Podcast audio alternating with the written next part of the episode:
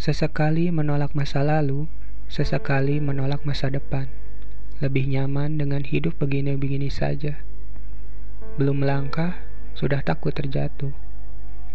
Sebagian dari diri kita pergi mencari, sebagiannya lagi terjebak untuk menggali. Tetapi kita lebih memilih untuk tersakiti. Tidak pernah tahu esok hari akan seperti apa, malah menyerah terlebih dahulu. Alasannya, teringat kenangan buruk yang pernah terjadi. Mengapa aku seperti ini? Singkat saja, kita adalah makhluk yang rapuh.